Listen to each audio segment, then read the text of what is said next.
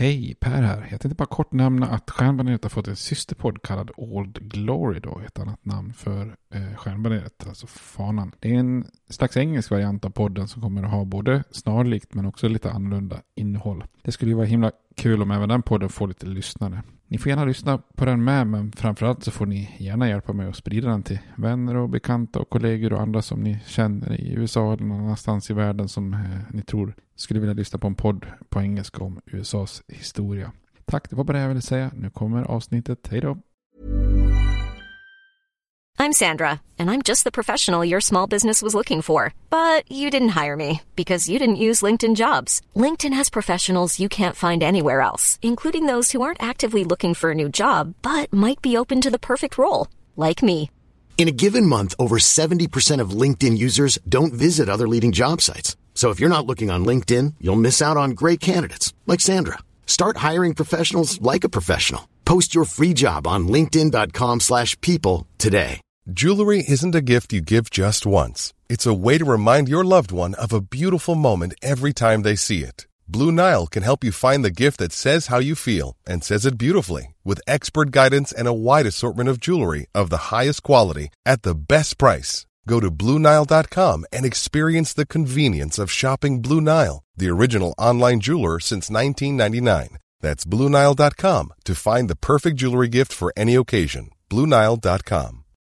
Millions of people have lost weight with personalized plans from Noom, like Evan, who can't stand salads and still lost 50 pounds. Salads, generally, for most people, are the easy button, right? For me, that wasn't an option. I never really was a salad guy. That's just not who I am. But Noom worked for me. Get your personalized plan today at Noom.com. Real Noom user compensated to provide their story. In four weeks, the typical Noom user can expect to lose one to two pounds per week. Individual results may vary.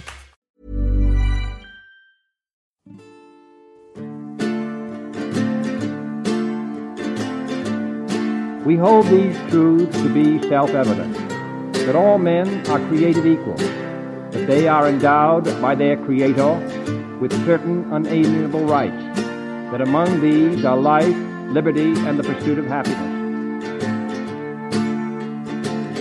Now we are engaged in a great civil war, testing that government of the people, by the people, for the people, shall not perish from the earth. And so, my fellow Americans, ask not what your country can do for you. Ask what you can do for your country. I have a dream. My four little children will one day live in a nation where they will not be judged by the color of their skin, but by the content of their character. Mr. Gorbachev, tear down this wall. I did not have sexual relations with that woman, Miss Lewinsky. Då säger vi hej och välkomna återigen till Stjärnbaneret. En podcast om USAs historia. Med mig, Robert Vux, och med dig, Per Fjärdingby. Välkommen. Tackar, tackar. Vi fick lov att ändra på det. Det brukar vara du som hälsar välkommen. Men eh, vi hade några bloopers här när vi inte fick till det riktigt. Så därför var jag mer stabil nu att köra. Ja. Så nu, nu är vi igång i alla fall. Ja, tre bloopers, då får vi växla över. Ja. ja. Och det här blir avsnitt 11 då i eh, den här serien om inbördeskriget. Precis, jajamän. Och förra avsnittet kan du berätta lite. Vi, var, vi Ja, tittade då- på hemmafronterna. Precis, då har vi kollat lite grann hur det funkade bakom fronterna där med lite uppror och ekonomi och politik och sånt. Eh, och den här gången så går vi lite grann tillbaka till det militära igen då. Och eh, vi ska bland annat prata om, prata om de, de lite kanske underskattade och bortglömda slagen vid Chickamauga och Chattanooga. Som eh, faktiskt, eh, ja, kan komma tillbaka till det senare. Mm. Men ehm, ja, jag såg förresten att man kunde köpa Stonewall Jacksons rock på Ebay. Oj, Ja, det kan inte vara billig. Nej, jag kommer inte ihåg vad det var på pris. Eller, och jag varit inte riktigt klok på om det liksom är... Om det verkligen var någon slags... Alltså att det var en autentisk rock. Eller om det bara var att det här är en rock man har tagit fram för att eh, den ser ut som den rock som Stonewall Jackson brukade ha. Liksom. Ja. Så det var lite roligt. Men eh, det är spännande när man ser sådana. Hänger du mycket på Ebay och letar? Nej, verkligen inte. Det dök upp på något vis i mitt flöde ändå. Aha, för Ebay aha. har jag aldrig ens... Jo, vet du vad? Jag tror jag kollade på böcker där en gång. Ja. Så jag dammsuger ju det amerikanska bokmarknaden. det. Ja. Innan vi började så eh, du eh, tog ju lite nytt grepp på öltipsandet för det. Ja. Mm. Eh, Vi eh, berättade att vi skulle dricka en Berliner Weiss och vi rekommenderade en som, ja nu sa du Stonewall Jackson, men den här var Stone Brewery sa vi att man kunde köpa. Men vi, vi har en annan, Ja, just det. vilken, och vi har smakat lite på den. Ja, det hypade bryggeriet Omnipojo. Ja, Eller Omnipollo, eller ska man säga ja Omnipojo? Pojo tror jag. Ja. Ja, jag tror det blir det. Ja, ja jag, jag, jag som är lite mer ölkonservativ än dig brukar ju tycka ibland att det är lite over the top när de sätter fart. Men Ja. det här var ju fantastiskt bra. Ja. Ja, jättesyrlig och fruktig och fin. En riktig sommaröl. Ja, en 3-5 är det. Mm. Eh, Flora heter den. Flor, Flora kanske man säger. Flora. Flora. Flora. Och det är väl samma namn som de har på sin. De har ju öppnat en sån här Biergarten. Alltså en ölgård kan man väl säga då. Alltså vart, vart? Ja, i Stockholm någonstans. Jag har inte Ah, okej, kollat okej. ut närmare. Men det var väl någon månad sedan de hade premiär tror jag. Ah, okej. Ja. Så utöver sin eh, egna pub då så kör de en... ja, de har ju två pubbar. Ja, de har två pubbar nu. Ja. Omni Pojos Hatt i Stockholm och Omni Pojos i Göteborg på Plantagegatan. Ja, och så nu den här Biergarten. Flora, som jag tror det heter Flora. Och det är möjligt att de tog fram den här ölen bara till den då. Eller, det, gjorde, det gjorde de rätt i så fall. ja, väldigt fin. Det där var bra. verkligen. Torrhumlad. Syrlig och fin. Ja. Vetesuris. Mm. Jättefin. Ja, det där, det där om man eh, Den borde gå... klipper, grä, klipper gräsmattor och inte vill ha dussin öl. Utan Nej, en verkligen. Verkligen. Och, och kanske inte vill ha så alkoholstark heller då. Nej, det är ju också väldigt bra. Ja. Ja. ja, det var fin. Ja. Kanon. Jag gjorde ju som eh, vanligt att jag kikade lite på vad avsnittet handlar om. Då hittade ju ett coolt bryggeri som fa- befanns i Chattanooga. Ja, hade ju roliga- berätta, berätta lite namn där. Ja, men de hade roliga namn. Chattahooligan Kölsch. Kölsch är ju en tysk ölsort från Köln. Där du, där du har hängt och druckit en och annan Ja, Kölsch. i Biergarten. Alltså Pefkens Biergarten kan jag säga. Så där kopplar vi ihop det då. Ja, där satt du och njöt. Ja, någon gång vill jag nog ta med dig. och några till kanske till Köln. Ja, det Borde vi roligt. göra alltså. Det är en fantastisk stad. Och öltyp Kölsch alltså. Ja, Ja. Som en, liksom, nästan som en hybrid mellan lager och ale. Ja, det är det. Jätte- Sen hade de en öl som heter Mad Priest Laotian Coffee Milk Stout. Bra namn. ja, och sen hade de en som heter Chikabock Maibock. Det var ju lite roligt eftersom ett, ett av slagen där utanför Chattanooga heter Chickamauga. Så Chickbock var ju... Ah. fast Jag vet inte, kanske inte härstammar till det. då. Nej, nej, men close enough. Och Maibock, det är ju också en rolig ölsort. Mm. Ljusbocköl, den är ju inte jättehet och inne. Om man säger så. Nej, det måste väl räknas till en gammal typ om man säger. Ja. Det finns ju även den där urbock. Här Mm. ännu äldre. Så att, ja. Och bock, då blir det oftast lite starkare. ja, precis. Starkare. Ja. Bra. Det här är ju en, eh, en podd där vi huvudsakligen ägnar oss åt, åt eh, att man ska få lite kunskap om USAs historia. Ja. Men eh, det är, man, man ska också lära sig om öl. Ja. Ja, det är bra. Kanon.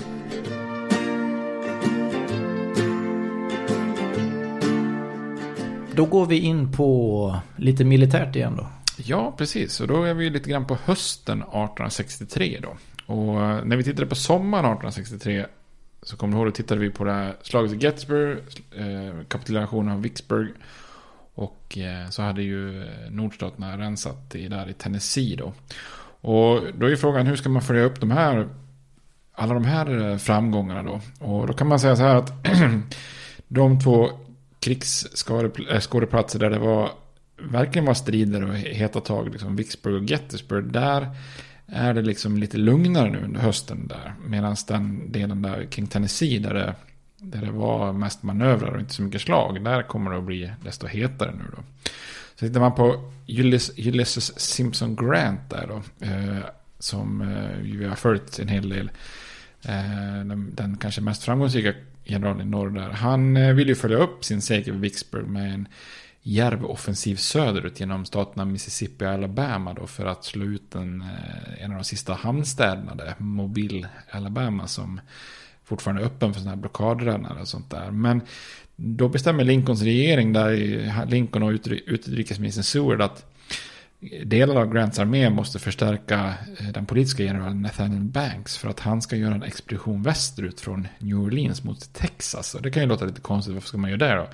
Men då är faktiskt bakgrunden att den franska kejsaren Napoleon III, han har halvt som halvt invaderat Mexiko 1861 eh, och försöker etablera en snubbe här, en, en, jag tror han är från Österrike, Maximilian den första, en någon slags habsburgare, mm. eh, som kejsare i Mexiko då. Och göra Mexiko till en fransk lydstat. Så att han försöker, det är ju ett brott mot den här Monroe-doktrinen som vi pratade om. Mm. Eh, men han försöker passa på då, medan USA är in, internt splittrat i ett inbördeskrig. Då försöker han... Smart. Ja, väl, det får man ju göra. Att han, han är en slug herre då, så att säga. Eh, men det här slutar ju då i att eh, Grant blir lite sysslolös här. Så att, eh, för han har inte tillräckligt med trupper för att göra något vettigt. Då, så att säga. Eh, och tittar man i, i öst då så, eh, så har ju Lee och Meade hamnat tillbaka då i, i Virginia där. Och under hösten så gör de faktiskt varsin kampanj i Virginia då. Eh, som brukar kallas för Bristow Station-kampanjen och Mine Run-kampanjen. Och det handlar egentligen om att man gör för, varsitt litet offensivt försök så här och komma runt den andras linjer och hitta något ställe och, och liksom ställa upp sina trupper starkt och, och, och, få till något slag där som kan, kan avgöra eller slå, slå ut den andras armé då. Eh, och här brukar man, det är ju så vanligt att man säger efter Gettysburg var Lee en slagen man och sådär. Men det, det, är juli och höst så, så är han på offensiven igen. Då, mm. då brukar många säga att hans armé faktiskt nästan är i bättre skick än länge. För de har fått ätit sig lite tjocka och rika upp i Gettysburg där och fått för, förstärkningar. Men även om de här kampanjerna där mellan Lee och Meade leder till lite manövrerande så, där, så, så leder det inte till något större blodigt slag där. Så att därför är de otroligt okända. De här kampanjerna. Med, och det är lite grann som att den här Potomac-armén då, norra Virginia-armén, de har gått på varsin näsbränna där vi pratar om Fredericksburg där nord i, bara gick rätt in i liksom, muren, höll på att säga. Mm. Eh, och Gettysburg så är det, det stora anfallet dag tre som bara rätt upp för sluttningen också som bara fullständigt pulveriseras. Så att det är som att båda arméerna har lärt sig liksom, att om den andra armén intar en stark position så är det inte kanske värt att anfalla. Utan för, ja, så så den, den front som det verkligen smäller till då om man tittar hösten 1863 det är då i södra Tennessee och norra Georgia då. Eh, och under sommaren så har ju den här unionsgeneralen då William Rosecrans i, i det som brukar kallas för Tullahoma-kampanjen då så har han manövrerat bort eh, sin motståndare Braxton Bragg i augusti, eh, eller i, i juli där och tvinga honom söderut. Och efter det då så, har, eh, så fortsätter han sin offensiv i augusti-september. Och då är målet att tvinga Bragg att överge staden Chattanooga som är en relativt eh, stor, stor stad för att vara södern då. Eh, och det här leder till att man har väldigt intensiva diskussioner igen i Richmond liksom, kring vilken strategi ska man ska man göra då? För att förlorar man Chattanooga så blir det ett, ett väldigt svårt slag mot konfederationen då. Och förra gången man hade den diskussionen så var det ju nästan alla för att flytta lite Lees trupper västerut. Eller Lee själv till och med västerut. Men eh, för att rädda Vicksburg. Men då väger ju Lees ord så tungt så han får ju göra sin Gettysburg-offensiv där. Eh, så i det här läget så då, då väljer man faktiskt att nej, nu, nu har vi testat den varianten. Nu får du ge dig Lee. Nu eh, tar vi den andra varianten. Så då tar man två divisioner från Lee under han James Longstreet. Mm. Och eh, fraktar dem västerut för att förstärka Braxton Bragg i Tennessee. Man tänker lite så här, Lee vände ju krigslyckan helt när han besegrade McClellan sommaren 1862. Nu hoppas man på något vis att om Bragg kan göra detsamma med Rosecrans här så kanske man kan vända krigslyckan då. Mm. Och till en början går det, går det väldigt bra för han William Rosecrans då. Han lyckas gång på gång lura Braxton Bragg om vilken riktning han är på väg i. Och så sprider han ut sin armé och tar sig runt olika bergspass och sånt där. Ehm, och tar sig söderut och hotar Braggs eller försörjningslinje och sådär. Så att efter ett par veckor där så då, då liksom eh, hotar han eh, linjerna mot Atlanta och tvingar Bragg att eh, evakuera Chattanooga om man inte ska liksom bli likadan instängd mot Tennessee-floden så som Grant stängde in Pemberton i Vicksburg. Så att då då evakuerar Bragg Chattanooga och skyndar söderut för att liksom överleva. Och eh, då, den här evakueringen är ju, är ju tufft då, så då skriver Jefferson Davis bara att We are now in the darkest hour of our political existence. ja, det är lite så här, han skulle bara veta att det kommer värre tider. Mm. ja. Men eh, det här gör han Rosecrans lite för självsäker. För nu tror han att Braxton Bragg är på full reträtt då. Men när Bragg tar sig söderut så kommer ju då Longstreet med förstärkningar då från eh, Lees armé.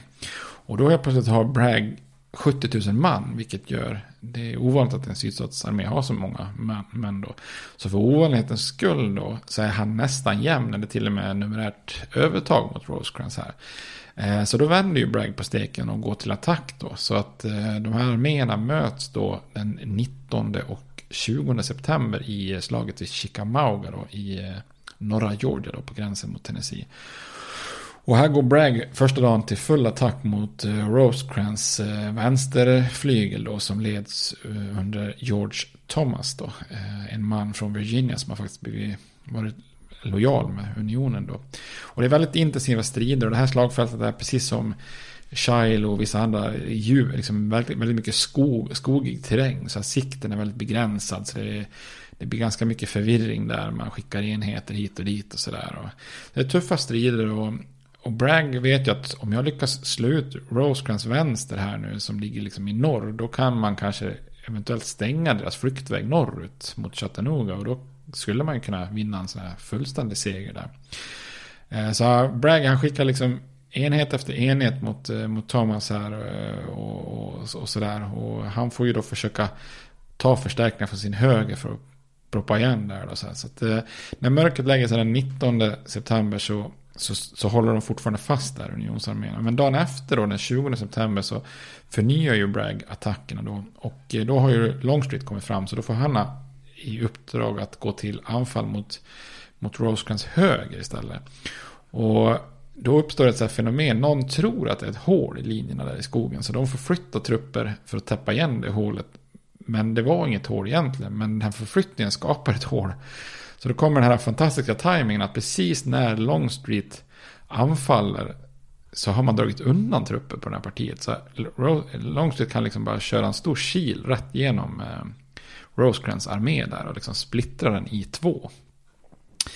Um, så att det är ju kanske den bäst tajmade attacken under, under hela kriget på det viset. Och så Rosecrans armé då, den, den högra halvan, eller, eller den ena halvan, den, den retirerar ju i ren panik då, inklusive Rosecrans själv, desperat norrut då. Så armén hade blivit totalt förintad om inte han George Thomas hade liksom lyckats hållit motståndaren tills mörkret faller så att han också kan dra sig tillbaka. Så han får, hans insats är så bra så han får smeknamnet The Rock of Chickamauga. Oj. Ja, inte ett fiskam. Nej. Det hade funkat på i kvarteret liksom. Ja. Mm. Lever det kvar sen att han kallas The Rock? Ja. Ja, det vet jag inte. Vart jag tänker på The Rock. Filmen? Den riktiga. Jaha, ja, ja, skådespelaren. Ja, precis. Ja, det är The Rock-filmen. Ja, är det inte? Ja. ja, just det. Den också. Mm. Nej, så man kan säga så här, det här slaget i Chickamauga som ju blir en eh, sydstatsvinst, det är det första slaget i, i Georgia. Och det är konfederationens egentligen enda seger i väst av betydelse. Och det är ett litet bortglömt slag, men om man tittar på statistiken så är det faktiskt det blodigaste tvådagarsslaget i hela kriget. Och näst efter Gettysburg så är det faktiskt det slaget som har mest förluster mm. under hela kriget. Då. Så av Rosecrans ungefär 60 000 man så förlorar han drygt 16 000 i skadade och eh, döda och saknade. Och av Braggs 65 000 man så förlorar han nästan 18 500 i, i liksom skadade och döda och saknade. Eh, tio av Braggs generaler stupar i slaget. Så det är ganska tuffa, det är hårda bud om man säger så. Ja, verkligen.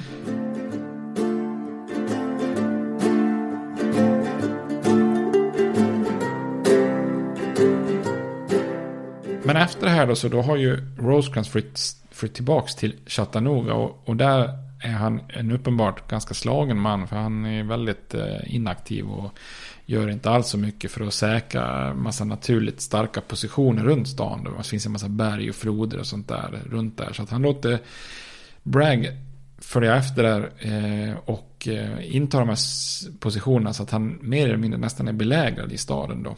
Och Lincoln brukar beskriva Rosecrans agerande så han säger så här att Rosecrans är confused and stunned like a duck hit on the head. Jag tycker det ser ut som en någon slag.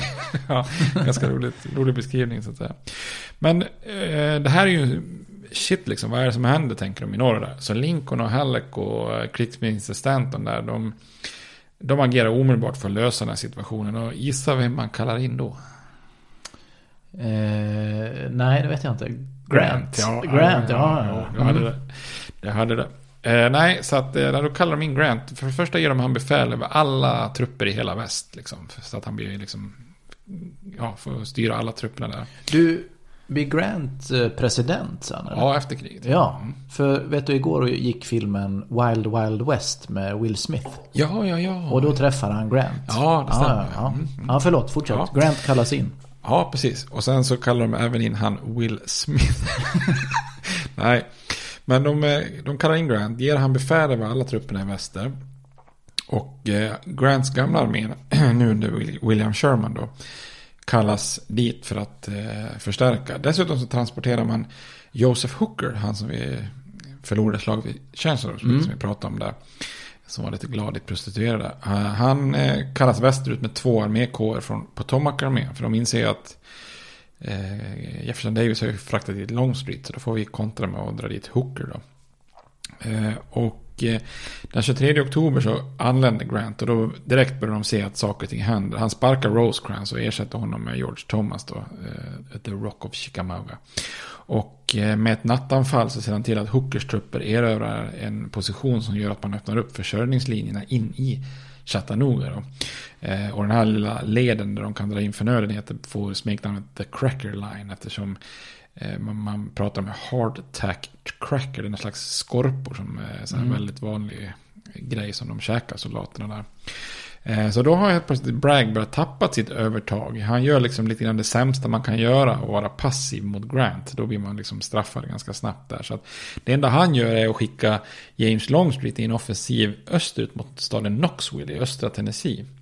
Eh, och det är kanske min, mindre militära orsaker och mer att, han, att de bråkar och kommer inte överens. Han vill nog bli av med Longstreet liksom. Eh, men den 24 november så är Grant redo för en offensiv vid Chattanooga då. Och då tänker han så här att Shermans armé ska anfalla Braggs höger. Medan Hookers trupper ska anfalla Braggs vän- vänster. Och så ska Thomas då fr- från staden eh, demonstrera liksom mer mot Braggs center. För han, han tänker att den armén var ju slagen innan och är kanske inte där man ska lita så jättemycket på. Liksom, Nej. så att den får bara göra lite så här demonstrationer då. Men det visar sig att den här terrängen, det är liksom mycket kullar och berg utanför stan. Och det är ganska branta ruiner och grejer. Så att eh, både Sherman och Hooker kör ganska snabbt fast då på kanterna. Eh, och då, när, när det liksom inte fungerar där, så då, då har ju Grant, vid, som har sitt högkvarter där nära centern, då, då står vid eh, George Thomas. Han beordrar Thomas eh, dagen efter att du måste avlasta dem nu, gör lite så här utfall mot Branks Braggs center här så att liksom du banar vägen för, för Sherman och Hooker då. Eh, och då är tanken att man ska inta den första försvarslinjen för de har flera försvarslinjer upp för ett berg som kallas för Missionary Ridge, eller en, en höjd kan man säga, Missionary Ridge. Och, eh, och sen så, så, så eh, behöver man liksom inte fortsätta. Tanken är liksom inte att ta hela höjden, för det ser ut som ett självmord, ungefär som Picketts anfall eller Fredericksburg. Ehm, men Thomas han är lite otydlig i sin order. Så när hans då Cumberland-armé, när, när de enheterna då har rusat fram till den första linjen och, och så uppstår en förvirring. För vissa enheter stannar i enlighet med Grants tanke då, medan andra fortsätter framåt och, och är lite så här ivriga för att få revansch för den här förlusten med Chickamauga. Och då börjar folk haka på här, så liksom, där står de förvånat och börjar se hur det blir ett stort jävla anfall upp för hela höjden där. Så att Grant han tittar i kikaren där och så lite förvånat så ser han att det här jätteanfallet börjar. Och så här, då frågar han George Thomas då enligt vittnesmål och så här. Thomas, who ordered those men up the ridge? Och Thomas då han svarar I don't know, i did not. Liksom, nu är det förvirring så här. Och då, de kommer inte så bra överens Grant och Thomas. Så då muttrar Grant lite grann med cigarren i mungipan att det är nog bäst att det här anfallet går vägen. Annars är det någon som kommer att få ett helvete liksom. Eh, Men då är det lustigt att det går ju vägen då. Därför att då visar det sig att eh, Braggs position som ser väldigt stark ut är svagare än man tror.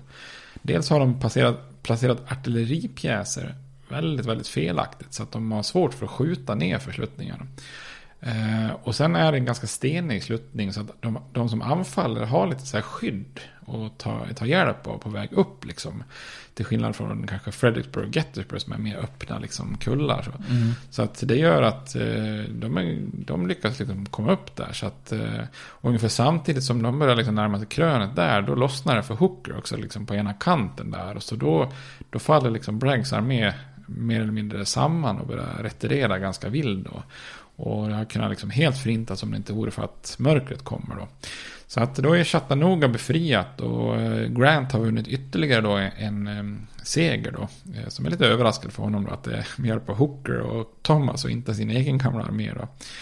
Eh, Och efter slaget så kan också Grant snabbt skicka Sherman då till, till Knoxville där Longstreet belägrar det här Burnside som sitter fast i Knoxville. Liksom. Men då kommer Sherman och då, då ser Longstreet att det här är kört. Så då drar han över Appalacherna och an, återansluter sig till Lee då i öster. Mm. istället. Så.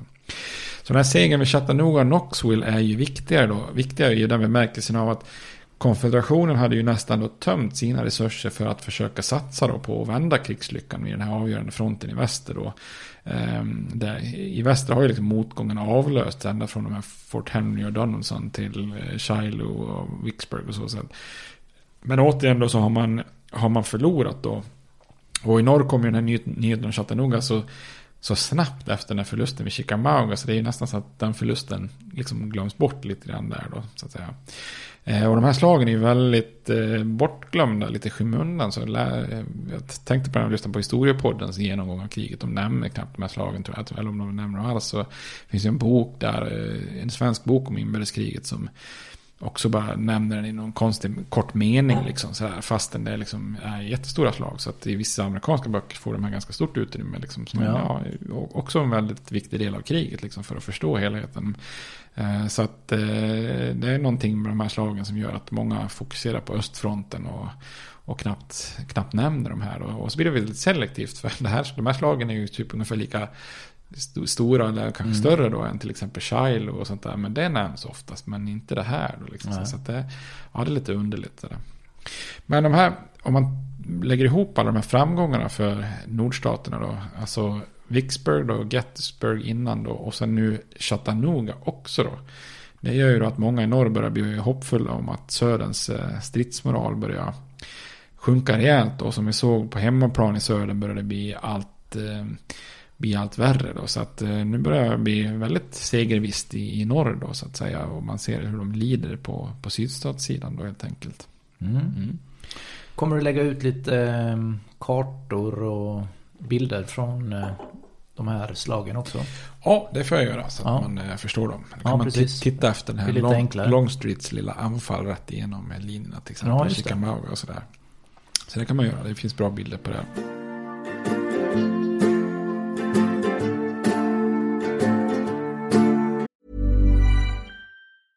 Jewelry isn't a gift you give just once. It's a way to remind your loved one of a beautiful moment every time they see it. Blue Nile can help you find the gift that says how you feel and says it beautifully with expert guidance and a wide assortment of jewelry of the highest quality at the best price. Go to BlueNile.com and experience the convenience of shopping Blue Nile, the original online jeweler since 1999. That's BlueNile.com to find the perfect jewelry gift for any occasion. BlueNile.com.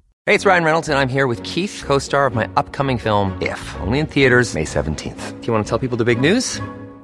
All right, I'll do it. Sign up now and you'll get unlimited for $15 a month in six months of Paramount Plus Essential Plan on us. Mintmobile.com slash switch. Upfront payment of $45 equivalent to $15 per month. Unlimited over 40 gigabytes per month. Face lower speeds. Videos at 480p. Active Mint customers by 531.24 get six months of Paramount Plus Essential Plan. Auto renews after six months. Offer ends May 31st, 2024. Separate Paramount Plus registration required. Terms and conditions apply if rated PG.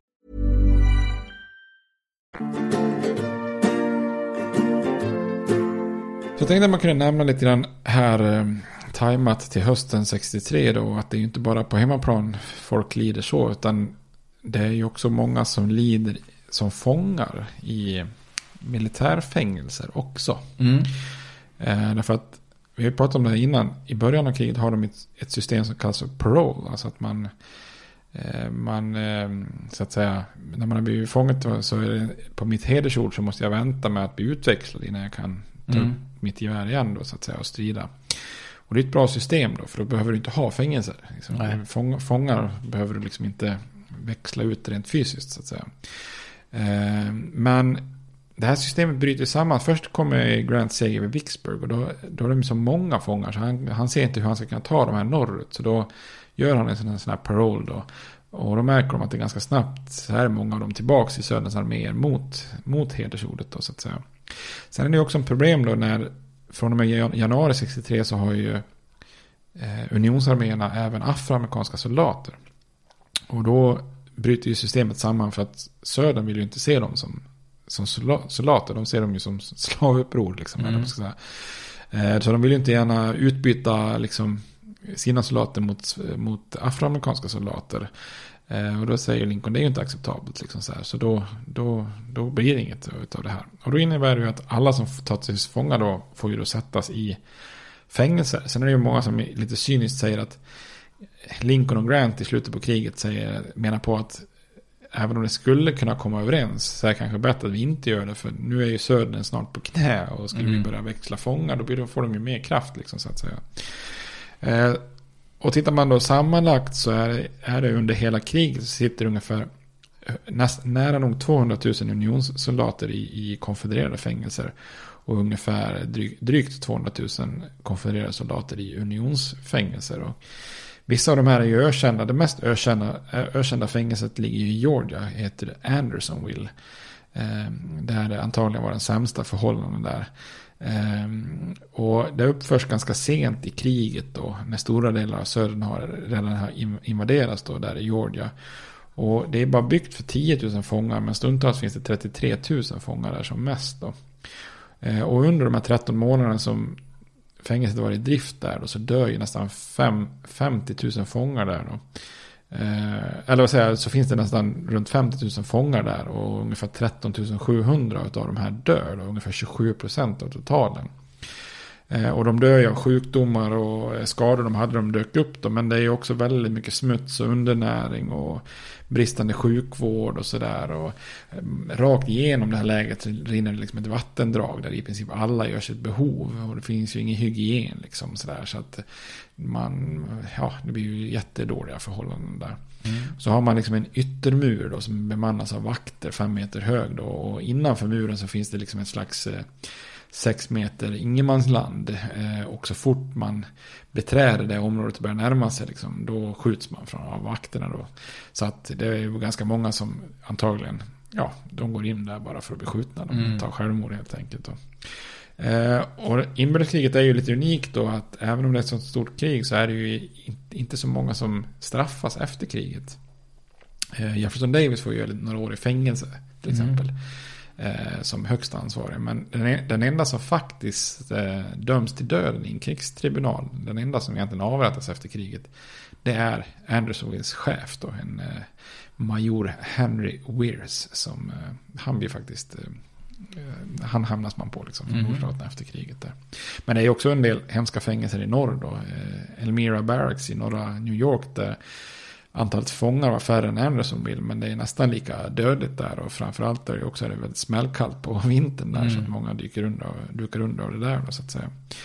Eh, så det är ungefär 25% dödlighet. Så att så att där, här finns det en debatt då liksom. Var, sö, var, var det södern som var mest inhuman mot sina fångar. Eller var det nordstaterna som var mest inhuman mot sina fångar.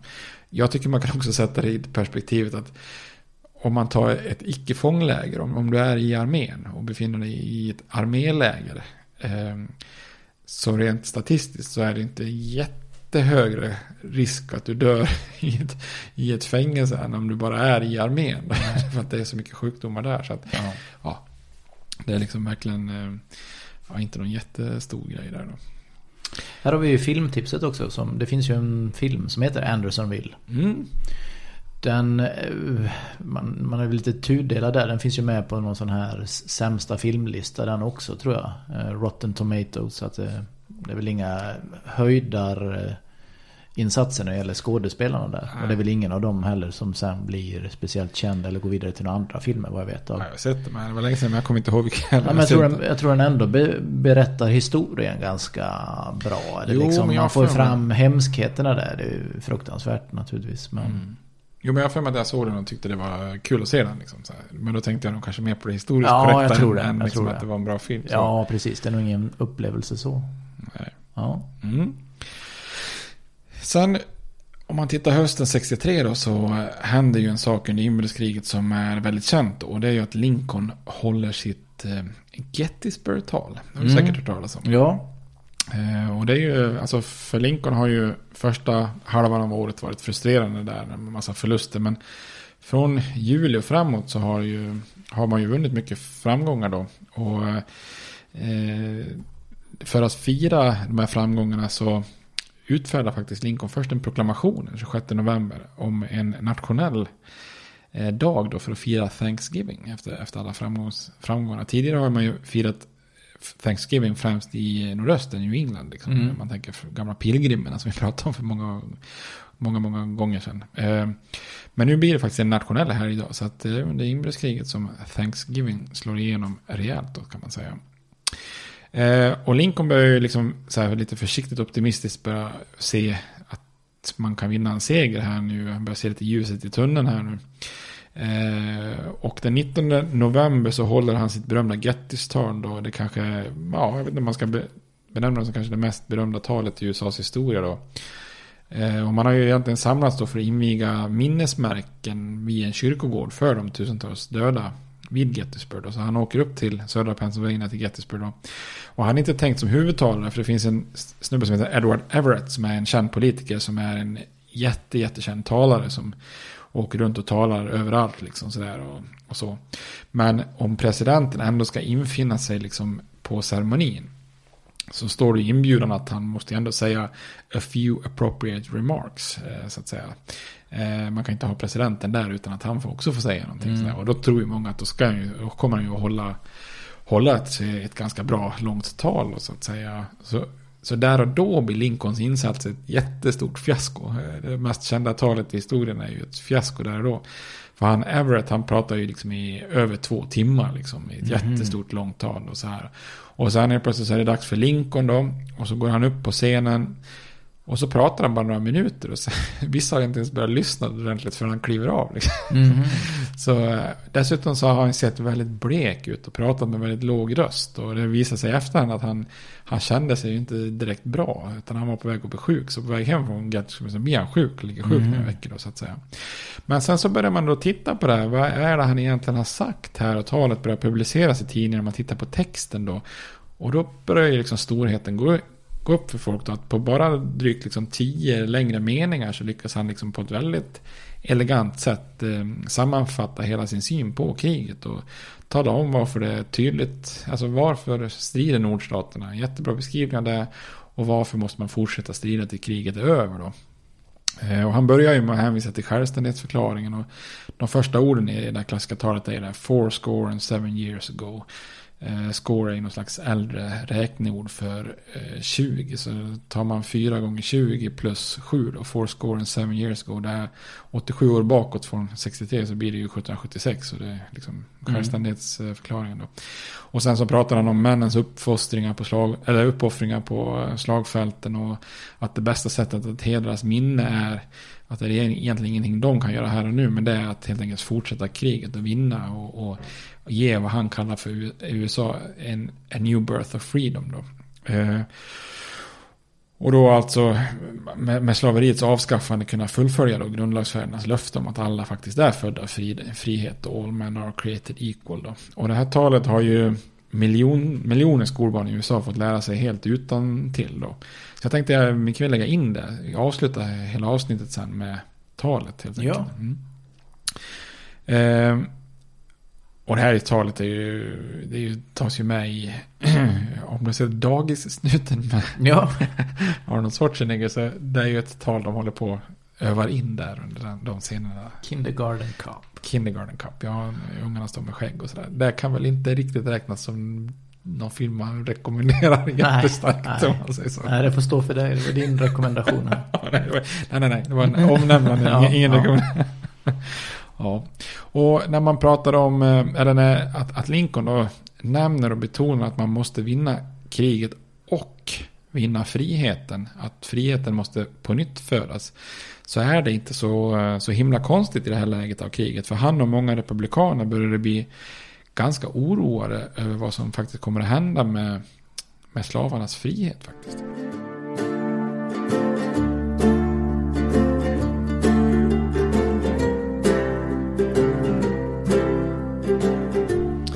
Ja, hur ligger vi till med eh, slavarnas befrielse här då? Hur tänker man kring det? 1863 eller 2019? Ja, nej, jag tänker nej, nej, men alltså, 63. Det här ämnet har vi ju pratat om tidigare där. Och vi pratade ju om det slavarnas befrielse fram till Lincolns ema- emancipationsproklamation då, som trädde i kraft. Då, den slutliga. Det var ju en preliminär i september och en slutlig första januari 63. Då. Och det är oerhört lätt att fall, falla i fällan liksom att eh, slaveriets avskaffande eller på något vis är oundvikligt efter Lincolns eh, proklamation där. Och det har liksom nästan blivit en myt, liksom, att det är Lincoln som är befriaren. Det finns liksom två motsatta myter. En är Lincoln som den här lite motvilliga eh, personen som dröjer med och eh, som fortfarande säger att kriget handlar om unionen och inte slaveriet. Och så dröjer han och så till slut så, så kommer det här. Eh, eller också är han liksom Lincoln den stora befriaren. Och det här är två myter som liksom inte ens går att kombinera nästan egentligen. Eh, Men framförallt så lägger man ju alldeles för mycket fokus på Lincoln. Alltså jag gillar ju Lincoln har jag ju sagt tidigare. Men man kan liksom inte på något vis hänvisa bara till det, det han gör. Eh, Och många böcker är ju roliga för de slutar ju skriva om den här frågan efter proklamationen. Som att nu är slaveriets avskaffande, this is it liksom. Nu är det, nu är det klart, nu handlar det om slaveriets frigivande och det är som ett självklart faktum om nordstaterna vinner kriget då. Eh, och tittar man vad som har hänt, vi har ju pratat om det här, republikanerna tog ju många steg ganska tidigt då för att militärt befria slavarna genom konfiskeringslagar, armépolicy och, och så Lincolns egna proklamation och så. Så man angriper slaveriet tidigare, men det är ju att man tar till alla möjligheter man har utifrån att det ska hålla i konstitutionen och HD och sånt. Mm. Ehm, och alla de här är ju liksom krigshandlingar baserade på rätten att liksom beslagta fiendens egendomar under krig. Eh, och Lincolns proklamation, det är ju inte hans mandat som liksom president i fredstid, utan det är ju hans mandat som överbefälhavare i krig då. Mm.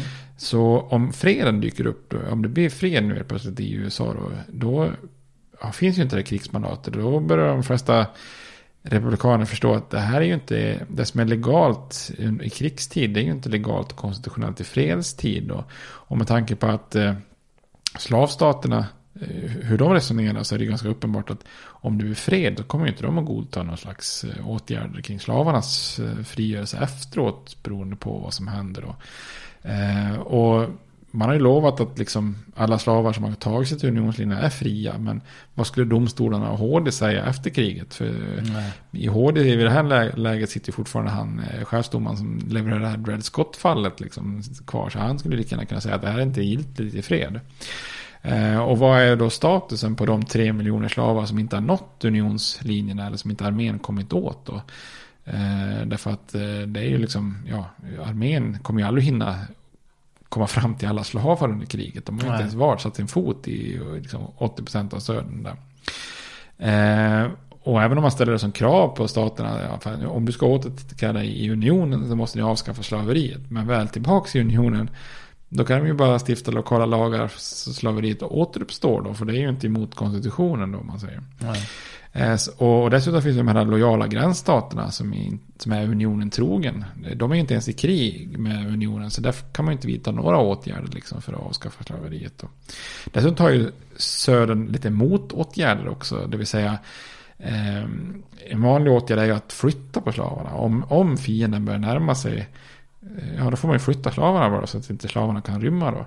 Eh, och de som är riktigt rika, de kanske äger en massa plantage eller har släktingar som är plantage någon annanstans där. Och börjar då deras plantage hotas, men då skickar vi alla slavarna i kedjor till nästa plantage då, där de är mer Eh, där de inte nås av armén då. Så särskilt kustområdena som är lätta byten då för unionsflottan då, de, de, där töms ju på slavar liksom och så skickas de till Alabama och Georgia och sådana ställen där det är längre in i landet då.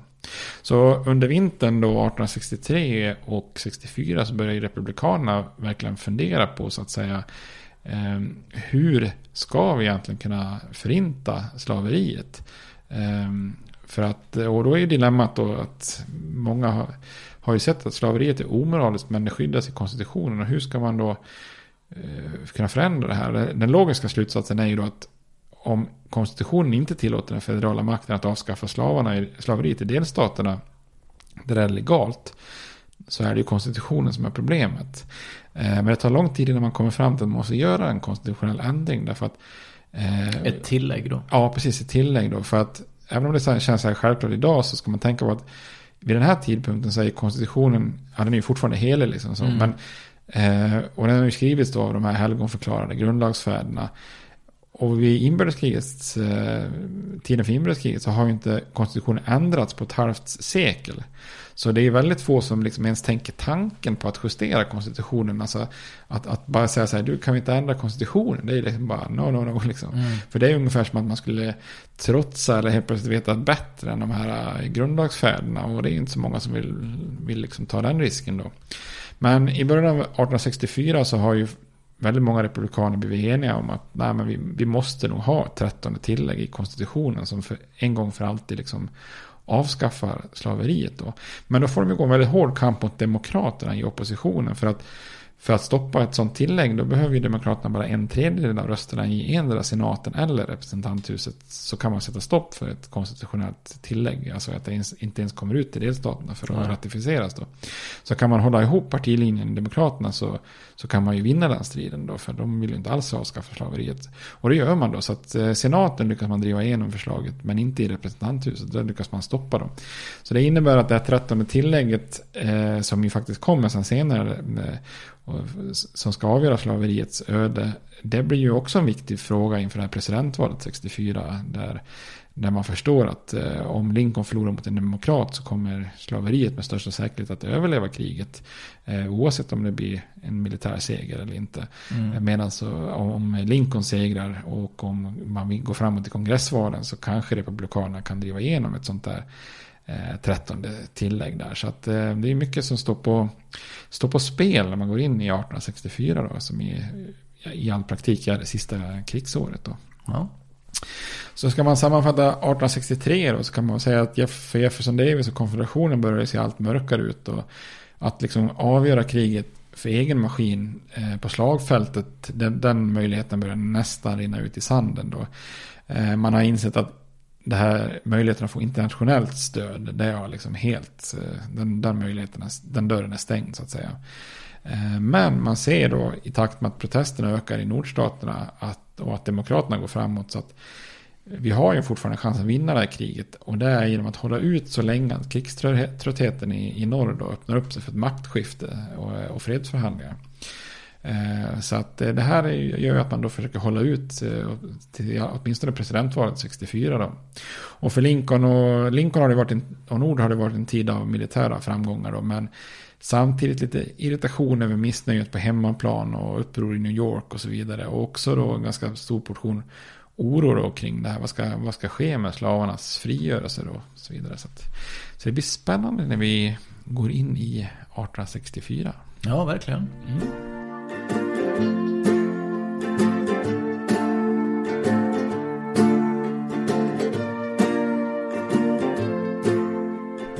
Från början tänkte vi ju, som vi har nämnt tidigare, att vi skulle ta ett avsnitt per år. Ja. Att vi då skulle ha fem avsnitt om ja. inbördeskriget. Och... Sen satte jag fart. Ja.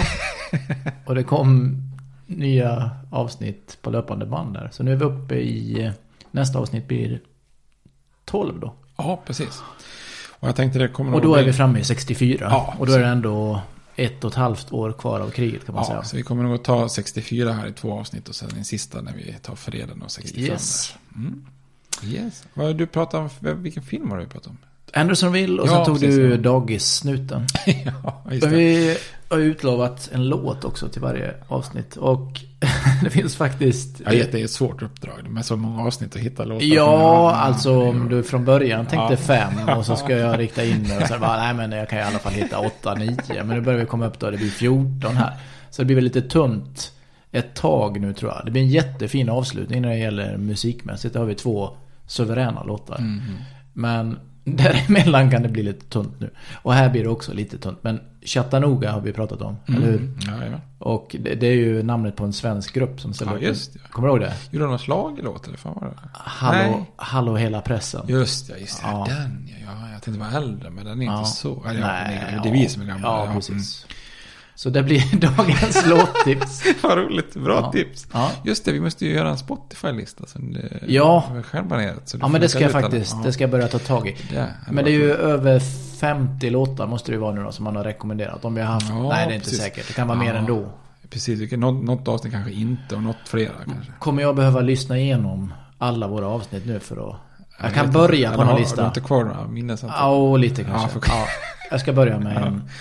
Annars räcker det ju för att slu- lyssna på slutet av varje avsnitt Ja. i så fall. Men när det här avsnittet kommer ut, då finns det en början på lite låttips som vi har gett då. Det kommer Gött. finnas. Ja, men vad härligt. Jag såg också, vi pratade om fångläger. Mm. Ja, så hade jag för mig att det fanns ett sånt där blårockaralbum. Ja, men det finns det. Ja. Anderson vill va? Ja, men jag, jag tänkte så här, jag ser liksom nästan framsidan framför mig. Så jag Ja. sökte på, på bilder. Då fick jag fram det. Då är det ju så en omskrivning. Så Aha. att den heter Fånglägret i Robertsonville. Aha. Alltså det var lite lustigt. Det har jag glömt bort. Ja. ja. Jag trodde den hette Andersonville. Ja. ja, men det var roligt. Yes. Bra. Och så Men- skulle du avsluta nu. När vi slutar prata så kommer uh, Gettysburg-talet då. Ja, precis. Det får jag lägga in här klippa in då. Innan eh, slutgingen här. Ja. Ja, bra, bra påminnelse. Ja. Mm. Men då får ni ha det bra och så får ni lyssna på den här inläsningen av Gettysburg-talet. Ja, tack. Tack, hej.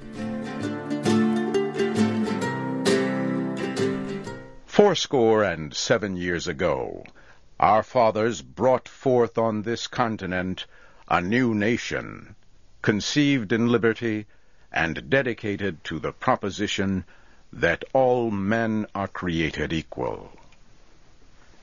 Now, we are engaged in a great civil war, testing whether that nation or any nation so conceived and so dedicated can long endure. We are met on a great battlefield of that war. We have come to dedicate a portion of that field as a final resting place for those who here gave their lives that that nation might live. It is altogether fitting and proper that we should do this. But, in a larger sense, we cannot dedicate, we cannot consecrate, we cannot hallow this ground. The brave men living and dead who struggled here have consecrated it far above our poor power to add or detract. The world will little note, nor long remember what we say here, but it can never forget what they did here. It is for us, the living, rather, to be dedicated here to the unfinished work which they who fought here have thus far so nobly advanced. It is rather for us to be here dedicated to the great task remaining before us, that from these honored dead we take increased devotion to that cause for which they gave the last full measure of devotion, that we here highly resolve that these dead shall not have died in vain, that this nation, under God, shall have a new birth of freedom, and that government of the people, by the people, for the people, shall not perish from the earth. States like these and their terrorist allies constitute an axis of evil.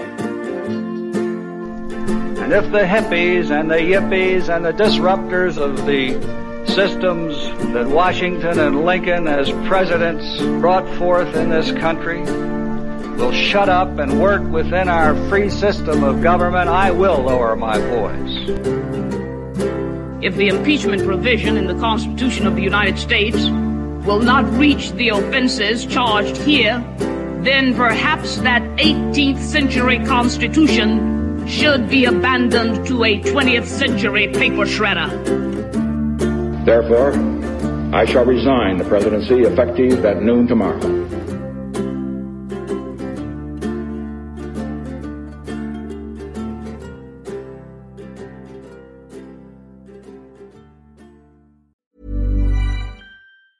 Planning for your next trip? Elevate your travel style with Quince. Quince has all the jet setting essentials you'll want for your next getaway, like European linen, premium luggage options, buttery soft Italian leather bags, and so much more. And it's all priced at 50 to 80% less than similar brands. Plus, Quince only works with factories that use safe and ethical manufacturing practices. Pack your bags with high-quality essentials you'll be wearing for vacations to come with Quince. Go to quince.com slash trip for free shipping and 365-day returns. Even when we're on a budget, we still deserve nice things. Quince is a place to scoop up stunning high-end goods for 50 to 80% less than similar brands. They have buttery soft cashmere sweaters starting at $50, luxurious Italian leather bags, and so much more. Plus, Quince only works with factories that use safe, ethical, and responsible manufacturing. Get the high-end goods you'll love without the high price tag with Quince. Go to quince.com slash style for free shipping and 365-day returns. When you make decisions for your company, you look for the no-brainers. If you have a lot of mailing to do, stamps.com is the ultimate no-brainer. Use the stamps.com mobile app to mail everything you need to keep your business running with up to 89% off USPS and UPS. Make the same no-brainer decision as over 1 million other businesses with stamps.com. Use code program for a special offer. That's stamps.com, code program.